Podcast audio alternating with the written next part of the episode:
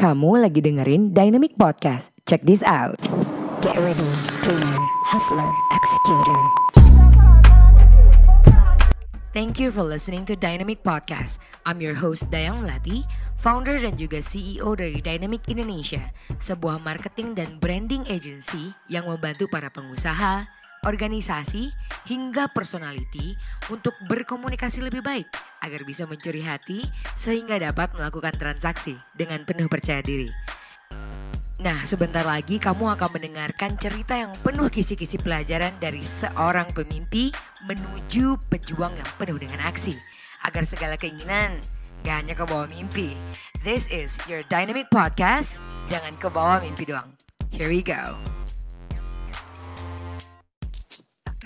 Halo, Assalamualaikum semua. Welcome back. This is Dynamic Podcast. Jangan ke bawah mimpi doang. A podcast that actually empowered and brought to you by Dynamic Indonesia, a digital marketing and branding agency.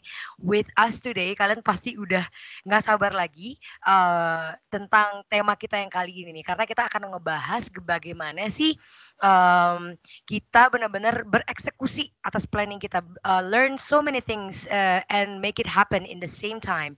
Um, dan untuk saat ini kayaknya temen gue yang satu ini pantas banget jadi narasumber kita karena gue dengan mata kepala sendiri lihat bagaimana hasil-hasil yang di, dikerjakan dan hasil pelajaran dari bapak yang kita satu ini. Halo Hajon, assalamualaikum. Halo, waalaikumsalam. Apa kabar Jon? Alhamdulillah baik baik. Hmm, makasih loh ya untuk waktunya. Ini lagi di mana nih? Ini bapak jam terbangnya terbang-terbang nih soalnya nih. Hari ini di sini, besok di mana gitu lagi. Lagi lagi di Pontianak jalan sebelah jalannya tempat Dayang. oh iya betul sih kita lagi bareng-barengan di Pontianak. Anyway, uh, bro intro intro dulu dong siapa sih Hajon ke listeners kita yang ada di sana. Oh, oke. Okay. Halo, nama saya Hajon Mahdi Mahmudin, anak pertama dari tiga saudara. Saya lulusan Teknologi Informasi di STEMIK Pontianak, S1. Sekarang kesibukannya serabutan, um, jadi kuli di Kreasi Putra Hotel. Kemudian yang jadi kuli juga di Borneo Skycare. Sekarang lagi kita lagi mencoba untuk tahun depan ngebawa uh, factory untuk masuk ke Pontianak pabrik drone di, di Borneo Mm-hmm. Hmm, paling itu sih kesibukan sekarang. Ya, oh, terus jadi... juga di komunitas di TDA Pontianak untuk mm. kenangan di atas. Wow, jadi ini kita recall nih berarti ada Hotama ya, IT consultant. Terus habis itu apa lagi bro? Hotama IT consultant. Mm-hmm. Ada Skycam mm-hmm. untuk aerial mapping. Mm-hmm. Uh, ya. Kemudian kita lagi bikin perusahaan baru namanya Arah Teknologi Indonesia wow. yang hulu dari Borneo Skycam. Jadi ah, ah, ah. nanti mudah-mudahan insya Allah jadi ada pabrik hmm. pesawat di Kalimantan Barat itu sih. Pabrik pesawat yang benar-benar manufaktur di Pontianak sih. Masya Allah, pabrik pesawat bro yang bawa orang. Iya. iya wow. Iya, itu mimpi dari mimpi kami dari 2010 nah, jadi tercapai insya Allah tahun depan. Itu kan bener jadinya lu kayak Habibi bro. Gue selalu bilang nih ketemu sama istrinya Hajar lu kayak Habibi Ainun sama bini lo gitu. Amin amin. Mari kita doakan sama-sama ya guys. It's so awesome. Gue pertama kali pindah ke Pontianak. Get to know Hajon he is so kind baik banget anaknya. I think gue mulai dari nanya-nanya hal yang gak penting sampai penting banget dan gue nggak tahu nih gimana hidup di Pontianak. And finally we are here gitu ya. Almost tiga tahun gue kayaknya udah di sini ini. Apa aja nih bro, cerita-cerita dong perjalanan lu dari awal nih yang belum orang tahu nih. Uh,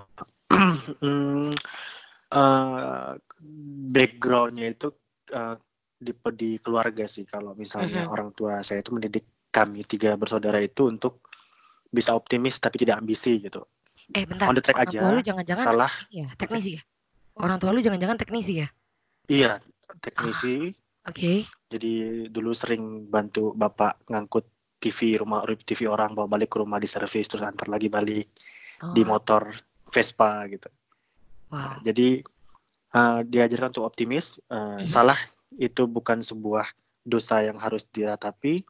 Mm-hmm. Jadi terus aja terus aja kerjain apa yang kamu lakukan itu benar. Misalnya kayak hmm. Hotama, orang-orang tahu bahwa Hotama itu jalannya mulus-mulus aja, padahal hmm. sebenarnya banyak banget project-project yang bisa dikatakan gagal, Mhm. project-project yang mungkin kliennya juga kabur dan lain sebagainya. Mhm. Ya, banyak banget sih yang Mhm. kesalahan-kesalahan yang kita lakukan cuma terus memperbaiki diri sehingga kita tetap tetap tetap suruh memberikan manfaat bagi orang lain sama juga dengan Borneo Sky Camp kita dapat modal dari PMW dulu dari program mahasiswa wirausaha Mhm.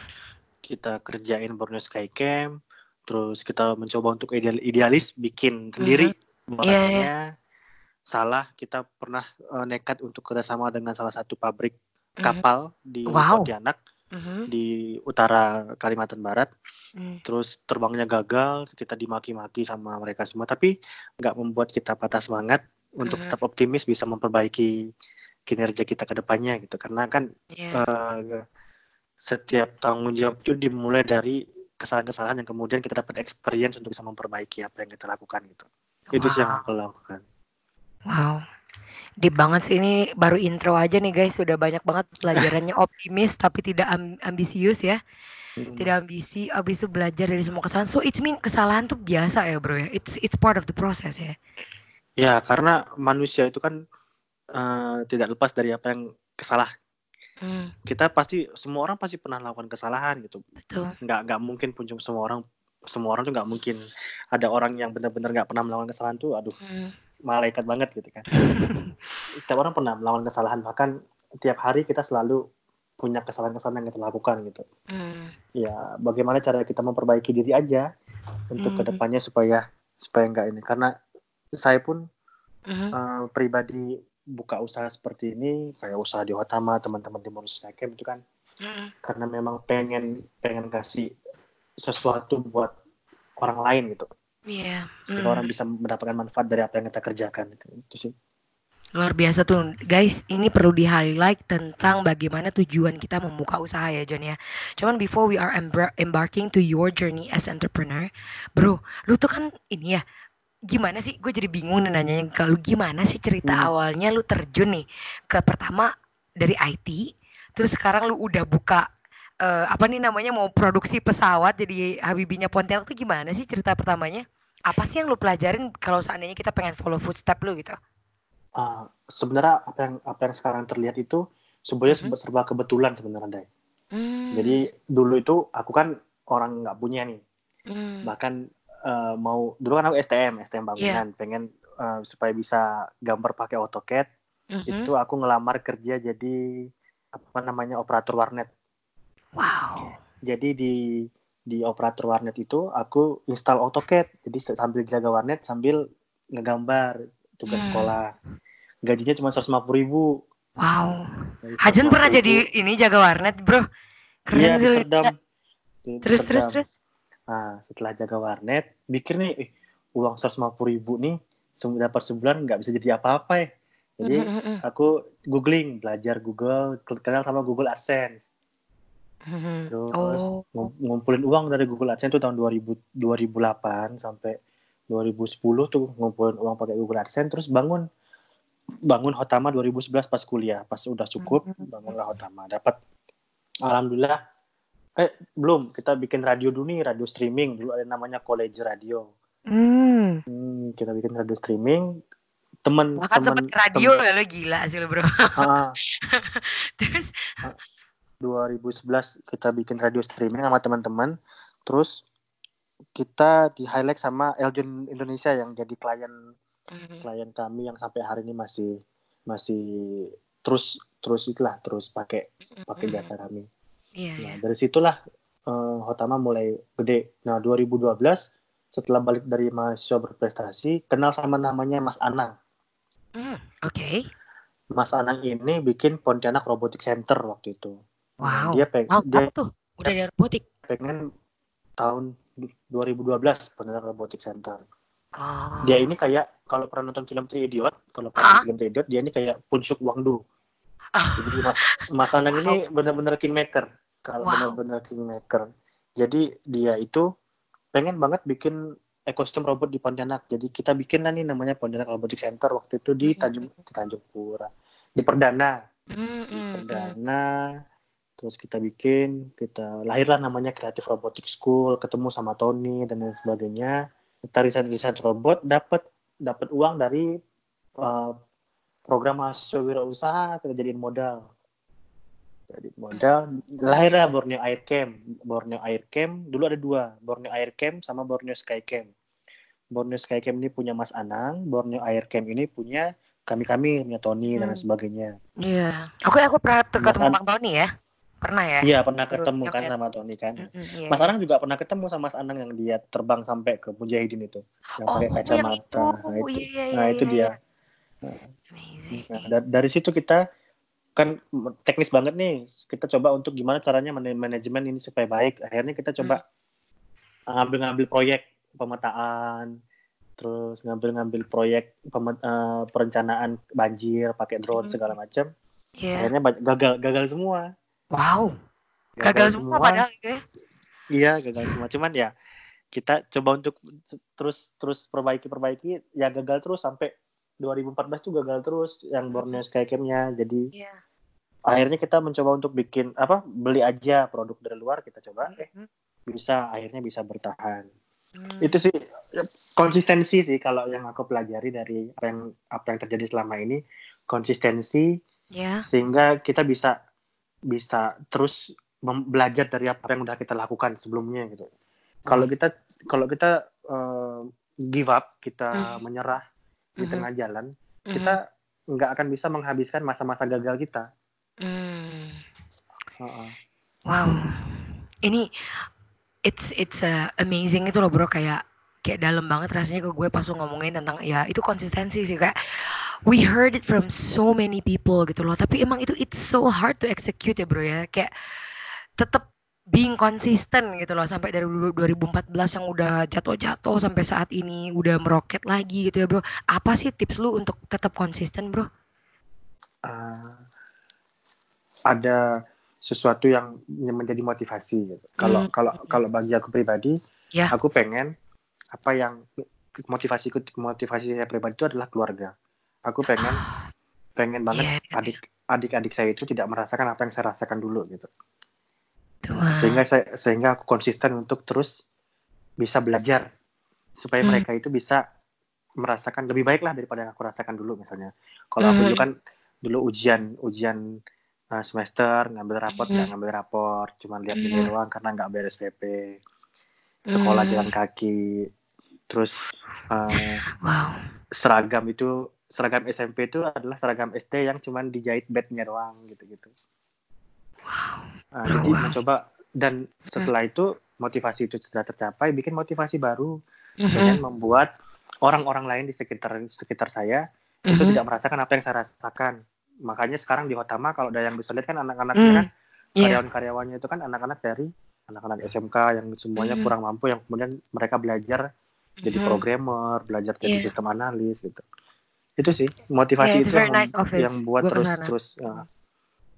Itu sih. Hmm. Wow, it's amazing, bro. Ini gue pengen diskusi sedikit nih sama lu kan. Mungkin Mhm. teman-teman di yang sedang dengerin mungkin juga makan tertarik gitu. Gue pernah Mhm. dengerin satu video dari TEDx Talk gitu kan yang bilang Mhm. biasanya orang yang mempunyai background yang susah, yang require him to like survive gitu kan untuk bertahan Mhm. itu biasanya tuh lebih unggul gitu loh dibandingin em, orang you know yang hidupnya enak baru baru susahnya pas tahu oh this is world gitu kan Eh, Mhm. biasanya lebih lebih inovatif lebih tahan banting kalau menurut lu gimana ya bro ya Tergantung pada pendidikan di rumahnya sih sebenarnya. Day. Karena banyak keluarga banget lagi ya bro ya Hmm, balik lagi ke keluarga yang yang nempati dari kecil. Karena banyak Hmm. banget ya orang-orang yang nggak mampu kayak kayak aku gini, Mhm. teman-teman sekolah-sekolah yang lainnya itu, ya mereka gitu-gitu aja karena mereka nggak punya motivasi untuk bisa lebih baik daripada sebelumnya gitu. Wow Tapi ketika ketika pendidikan dari orang tua itu baik kepada anak-anaknya, Mm-mm. yang yang membuat anak-anak termotivasi untuk bisa lebih baik lagi, iya nah anak-anak anak itu bisa lebih unggul daripada orang-orang lain sih. Wow, ini luar biasa. Ini intake yang tahu nggak sih? Aku ekspektasi aku hari ini kita bakal ngomongin tentang teknik, tentang apa Mhm. gitu kan, yang something like really tips or trick gitu kan. But you you, you talk about something really deep gitu. Bahkan opening aja tadi Ajun bilang ya saya diajarkan oleh bapak saya untuk optimis tapi tidak eh, tidak terlalu ambisius lah istilahnya gitu ya. Bener ya, Bro? Iya, ya? iya. Benar-benar. Ini dari lingkungan banget ya bro ya, benar-benar gimana Lingkungan kita banget. ini lingkungan. Nah kalau kita menurut lu nih bro, kan sekarang di dunia yang bisa dibilang opportunity atau kesempatannya itu tuh unlimited lah istilahnya kan. Ada orang yang merasa banyak sekali kesempatan, wah ada yang merasa ih kok gue gini-gini aja nih segala macam. Selain faktor lingkungan dan motivasi nih ya, yang harus kita punya, apalagi sih bro yang harus kita siapin gitu ya. Biar kalau seandainya kita berangan-angan, kita punya mimpi tuh ya nggak kebawa mimpi doang gitu. Ya, harus something harus harus melakukan melakukan sesuatu. Misalnya Kita nih, bergerak ya bro ya. misalnya kayak eh, aku waktu SMA tuh nonton namanya nonton film The Idiot. Aku berpikir Hmm. bahwa keren kayaknya kalau ke depannya ini bisa bikin drone gitu. Tapi Hmm. terus kita cari informasi segala macam. Akhirnya kenal sama Mas Ana, kenal sama Tony. Eh akhirnya bisa tercapai mimpinya. Skripsiku pakai drone gitu. Satu-satunya mahasiswa di kampusku yang ngambil skripsi tentang hardware dan hardware-nya itu drone. Wow. Jadi mimpinya tercapai gitu. Terus yang kedua misalnya, oh dulu waktu masih kecil lihat orang pakai pakai motor, orang pakai mobil, keren kali ya kalau bisa pakai kendaraan dan lain sebagainya. Mm-mm, Berjuang untuk bisa mendapatkan itu walaupun itu sebenarnya konsumtif ya, nggak nggak iya. nggak juga harus di tapi kan uh, bisa jadi motivasi. Hmm, terus pernah juga- mm. Iya ya. Terus kalau misalnya lakukan sesuatu yang sehingga apa yang kamu mimpikan itu bisa tercapai. Nggak nggak nggak kalau kamu cuma tidur doang nih, tidur di rumah segala macam ya nggak nggak akan tercapai. Lakukan Wow. sesuatu yang mendukung apa pun yang kamu lakukan itu untuk mencapai mimpi kamu gitu. Wow, ini ini ini brilian sih kalau teman-teman perlu nge-highlight ya. Kalau kita ngeliat dari ceritanya Hajun, dia mempunyai satu dulu yang pengen dia capai. Apa ada inspirasi untuk mencapai sesuatu ya, Bro? Ya enggak sesimpel kayak dari ngeliat dari nonton film Three Idiot, dari drone Simple. sampai Uh, soon bakal ada pabrik-pabrik pesawat di Pontianak. It's so amazing. Berarti kalau lu bikin decision tuh emang kayak gitu ya, Bro ya? Apa sih bigger goal yang benar-benar one step ahead kepada itu loh gitu ya, Bro ya?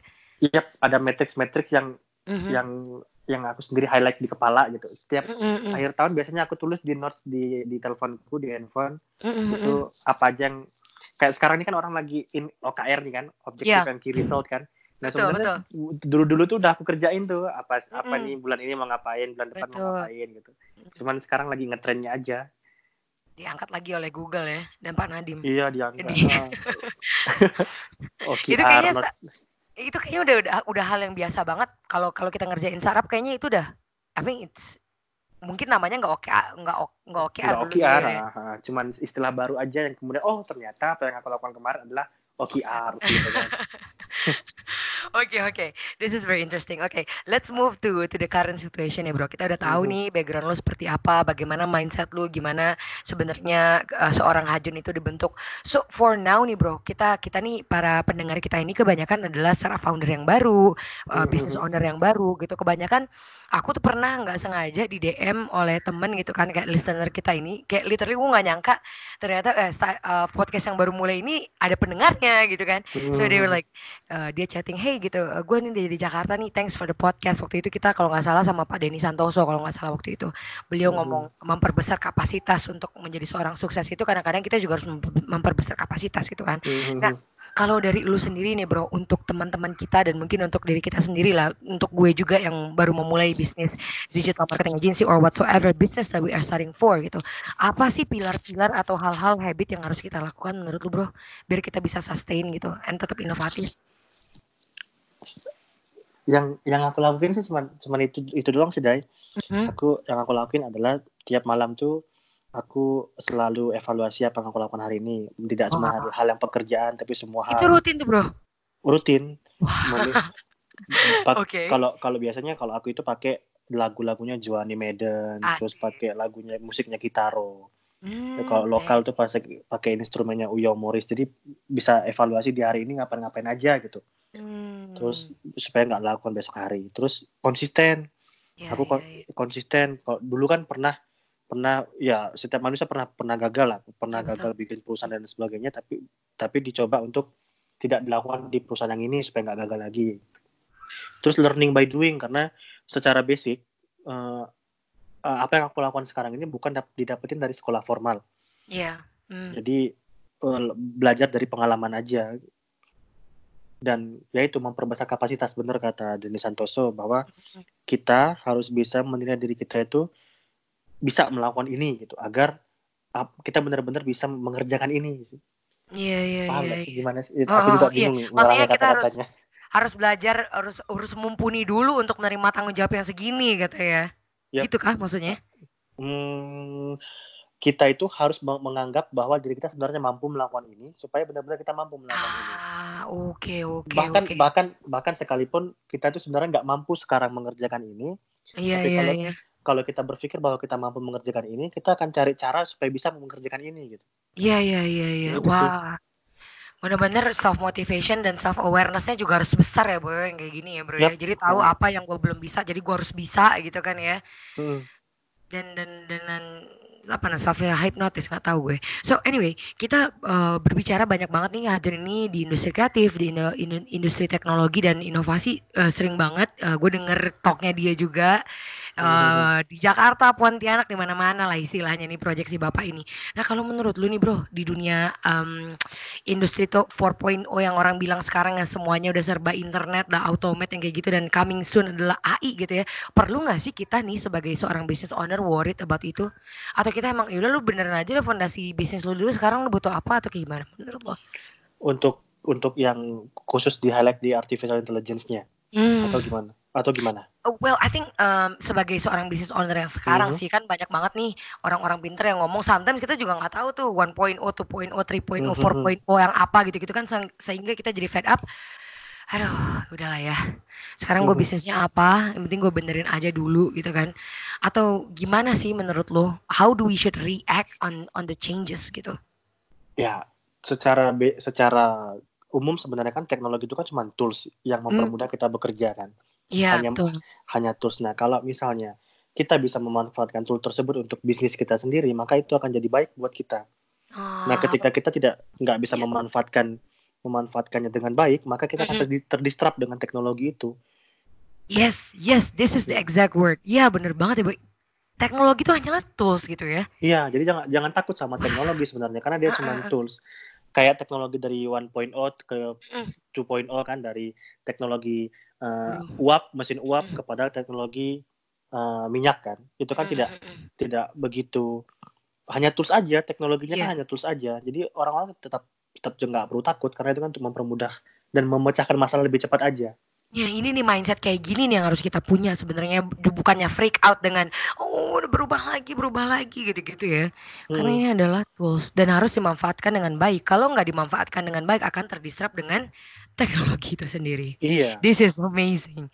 This is amazing. So so far kalau lu lihat saat ini em, dengan adanya teknologi yang kayak gitu nih, eh, lu di IT konsultan banyak banget kan sekarang yang heboh-heboh. Oh inilah digital marketing lah, bikin aplikasi lah, website lah.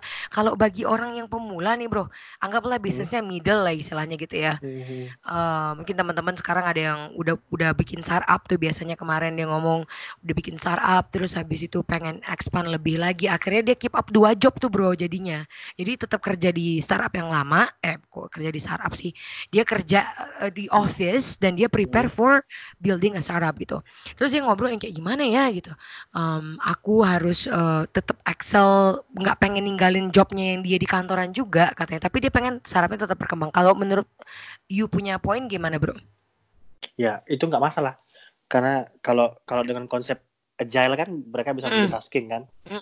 Sama kayak Nadiem Makarim juga. Nadiem Mm. Makarim bangun Gojek pada saat dia kerja di salah satu firma bisnis kalau nggak salah kan. Eh Zalora ya. Zalora, Jadi oh, Zalora iya. kan ya.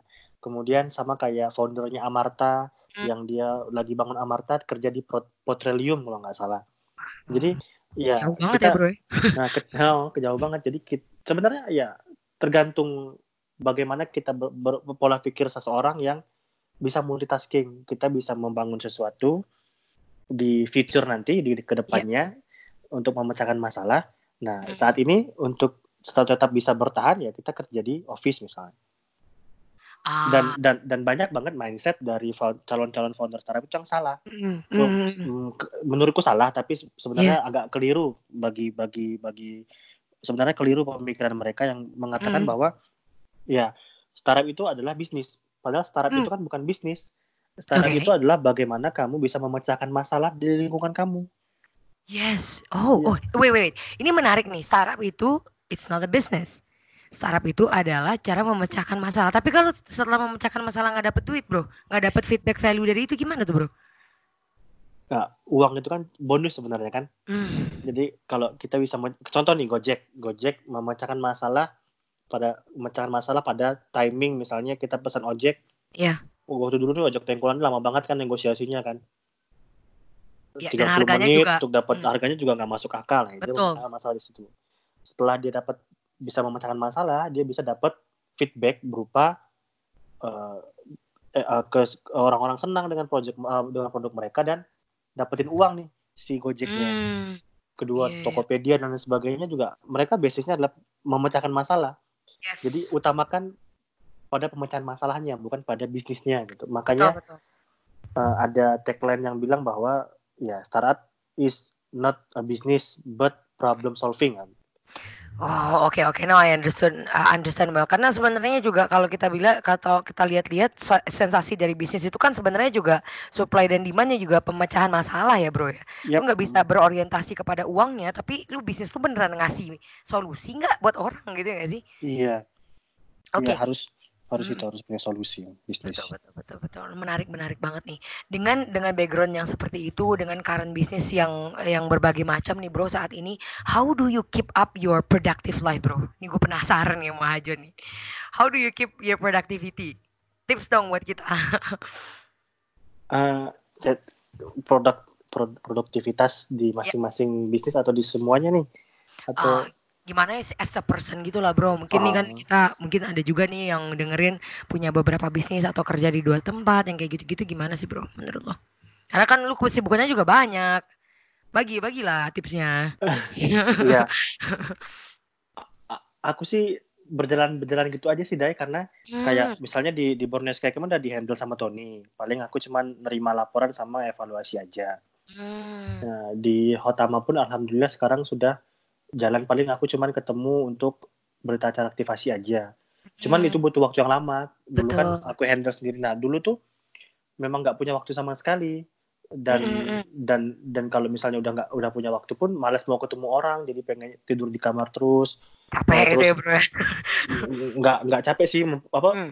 ngelakuin apa sih yang aku kerjain kerjain segala macam. ah oke Eh, bagi-bagi waktu sih kalau aku misal dan sebagi-baginya waktu waktunya aku istriku tetap protes bahwa eh nggak punya waktu nih buat istri gitu. 20 hari di luar. Cuma 10 hari doang. Itu sambil senyum dari samping tuh. Jadi memang halo nggak aku pakai headset nggak denger dia. Oh jadi gitu. um, aku pribadi sih mencoba untuk membagi waktu. Eh, di Pontianak kalau misalnya satu hari full bisa full sama istri dan sama keluarga gitu. Nah, apalagi kalau misalnya kerjaanku kan mobile Eh, keluarga pun bisa dibawa ke mana-mana. Jadi kadang-kadang kan Dayang kan juga pasti lihat tuh kalau Hmm. ke mana-mana pasti Teti ikut gitu kan. Iya iya iya. Nah, itu sih yang aku lakukan sehingga dia merasa bahwa oh ini kerjaan suamiku oh aku juga dibawa ke mana-mana sehingga dia punya waktu juga buat saya gitu kan. Jadi pengennya sih ada di dua dua dunia itu sih dunia pribadi dan dunia kerja secara bersamaan. Mudah-mudahan bisa menarik banget sih kayak tapi kayak sekarang udah banyak banget freedom yang dikasih ya kalau kita Hmm, bekerja di dunia digital gitu. Iya kalau ini nih kita udah almost at the end nih padahal banyak banget yang Mhm. pengen gue tanyain sama lo. Mhm. kalau lu di dunia digital kayak gini lu pernah nge- ngelirik kayak hmm, real industri gitu gak sih bro? Kayak retail produk produk yang kayak gitu itu pernah kah? Pernah pernah pernah, pernah. ya yeah. pernah mencoba untuk em, membuat sebuah produk yang benar-benar real kan Mm-mm, ya ingat ingat nggak yang jagung-jagungan itu tuh ya nah sekarang gue baru ingat yang tester pas kita habis main badminton ya nah itu kan Hmm, oke. ya itu kan salah satu yang gagal kan karena Hmm. ya aku sendiri nggak konsisten pada produk-produk retail kayak gitu Hmm. jadi ya beberapa orang eh, orang-orang itu nggak nggak nggak ada beberapa orang yang cocok di retail ada orang yang benar-benar Hmm. cocok di dunia digital gitu jadi Mm-mm. ya sekarang nggak nggak ngoyo sih untuk bikin produk-produk seperti itu ya udah Karena udah padahal padahal kemarin udah bikin mm, apa udah nyetok inventory banyak banget am- sampai 100 kilo terus udah Iya. bikin beberapa ah ya udah, udah nyetok dan dibuang gitu aja karena udah berkutu ditinggal bertahun-tahun kan oh my god itu deh sampai nyetok 100 kilo itu. Udah nyetok 100 kilo itu datangin bener-bener dari Nusa Tenggara Timur sana. Nah itu salah satu yang fail karena ternyata aku nggak cocok jual barang yang bener-bener Hmm. real dan itu produknya food and beverage memang bener-bener nggak cocok. Iya, iya, iya, iya. Snack Oh, so ya. itu along the way juga ya, bro ya. Kalau Iya. menurut lu, kalau kita yang baru-baru mulai ini masih meraba-raba gitu, should we try, uh, should we try the both uh, industry atau gimana? Atau misalnya udah di, di Fokus digital, dulu. udah digital terus gitu Iya, ya? fokus dulu. Hmm. Misalnya digital, digital aja dulu. Mm-mm. Ketika sudah sudah sampai pada level start, oh cukup enough bahwa Mm-mm. oh aku nggak cocok di sini. Coba hal yang lain. Jadi nggak bisa lakukan secara bersamaan. Kayak dulu Mm-mm. aku nger- ngerjain Borneo Skycam itu pada saat Iya. tidak ada perusahaan-perusahaan yang aku handling. Ah, Aku ngerjain kira- eh, ke college radio pada saat Kotama belum lahir, Borneo Skycam belum lahir gitu. Aku ngerjain Hmm. Creative Robotics School itu pada saat Borneo Skycam belum, belum lahir. Nah, Pak, ketika kita sudah mampu untuk eh, misalnya nih di digital, oke, aku udah Ya. sukses di digital, cari orang-orang yang bisa handling apa yang kamu kerjakan saat ini yang benar-benar dipercaya orangnya. Nah, itu yang coba aku lakukan kayak misalnya di Borneo Skycam, Mm. Tony yang jadi leader di sana gitu Mm. kayak di Hotama sekarang lagi lagi mencoba untuk mendelegasikan kepada uh, salah satu karyawanku dua, dua orang karyawanku di di Hotama sehingga aku bisa mobile aja Mm. gitu jadi lakukan dulu nih apa, apa yang sampai pada level stuck stucknya pada saat gagal atau pada saat benar-benar sukses nih Ya, setelah oh. setelah sukses baru dipublikasi ke orang lain supaya iya, iya. kita bisa mendelegasikannya sama orang lain ketika Hmm. level stucknya adalah gagal dievaluasi dan Mm. bikin yang baru tapi tidak me- tidak tidak mem- membawa kesalahan yang di sebelumnya gitu Di- diperbaiki Iya, lah iya. kesalahan sebelumnya gitu. Mm-mm. nah itu yang aku lakukan kayak kan banyak nih yang gagal nih aku Mm-mm. tuh pernah gagal di Watabiti Mm. Tapi itu apa, bro? yang jagung tadi itu loh Oh, iya, iya, Nah, iya. dulu Oh, iya, namanya 2003 Watabiti, ya. hmm, dulu 2013 aku pernah bikin mapping namanya nak ke mana nanti coba ada yang searching di Google aja aku tuh pernah masuk di beberapa media online di tahun 2013 itu gagal juga pernah yang Hmm. paling paling dekat bikin perusahaan bareng-bareng teman-teman yang pernah lumayan terkenal juga di Pontianak namanya 8 bit itu kan nah itu kan Iya, salah satu iya, iya. kegagalan juga gitu kan Hmm. dan jadi mencoba ya yang gagal-gagal ini diambil nih kesalahan-kesalahannya dan tidak dibawa nih kesalahannya ke apa yang sedang dikerjakan sekarang sehingga meminimalisir kesalahan yang pernah, pernah terjadi Iya, itu iya. sih Luar biasa, luar biasa. Bro, ini last question ya, bro ya. Last Sip, sip, sip. question sebelum kita sholat maghrib nih. Yap, Um, yap. Apa tuh?